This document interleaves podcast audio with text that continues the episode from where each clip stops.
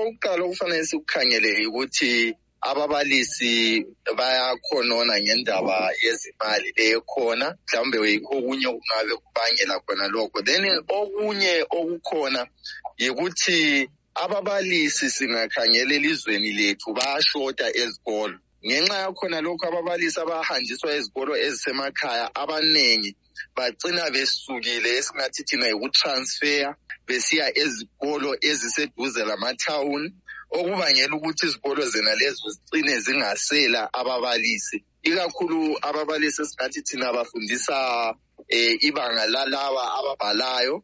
Eh, oform four labo grade seven. Iningi labo liyasuka ezikolo lifuna ukuthi liyesondela duzane lezimuli zabo.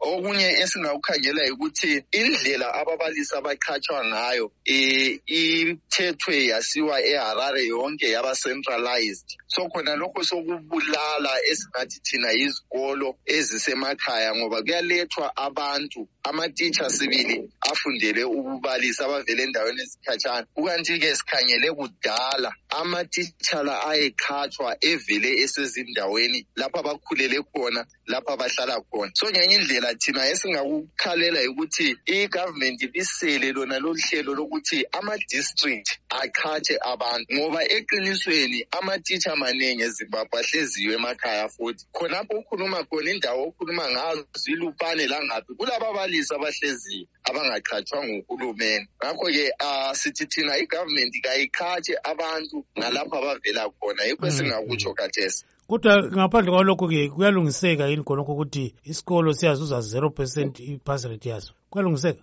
Yi- yinto elungisekayo leyo. Kungaba lababalisi. Umbalisi engavela kuyona lindawo uyabe ekwazi ukuthi ufundisa abantu bakibo ahlala labo aseduzane labo ngoba ezikolo eziningi okwenzakalayo khathesi yikuthi umuntu uyajikelwa egangeni abe seqeda isikhathi eside ezama ukusuka kuyona lindawo. Kasacabangi ngomsebenzi usecabanga ube lokhu etshitshe esemahhofisini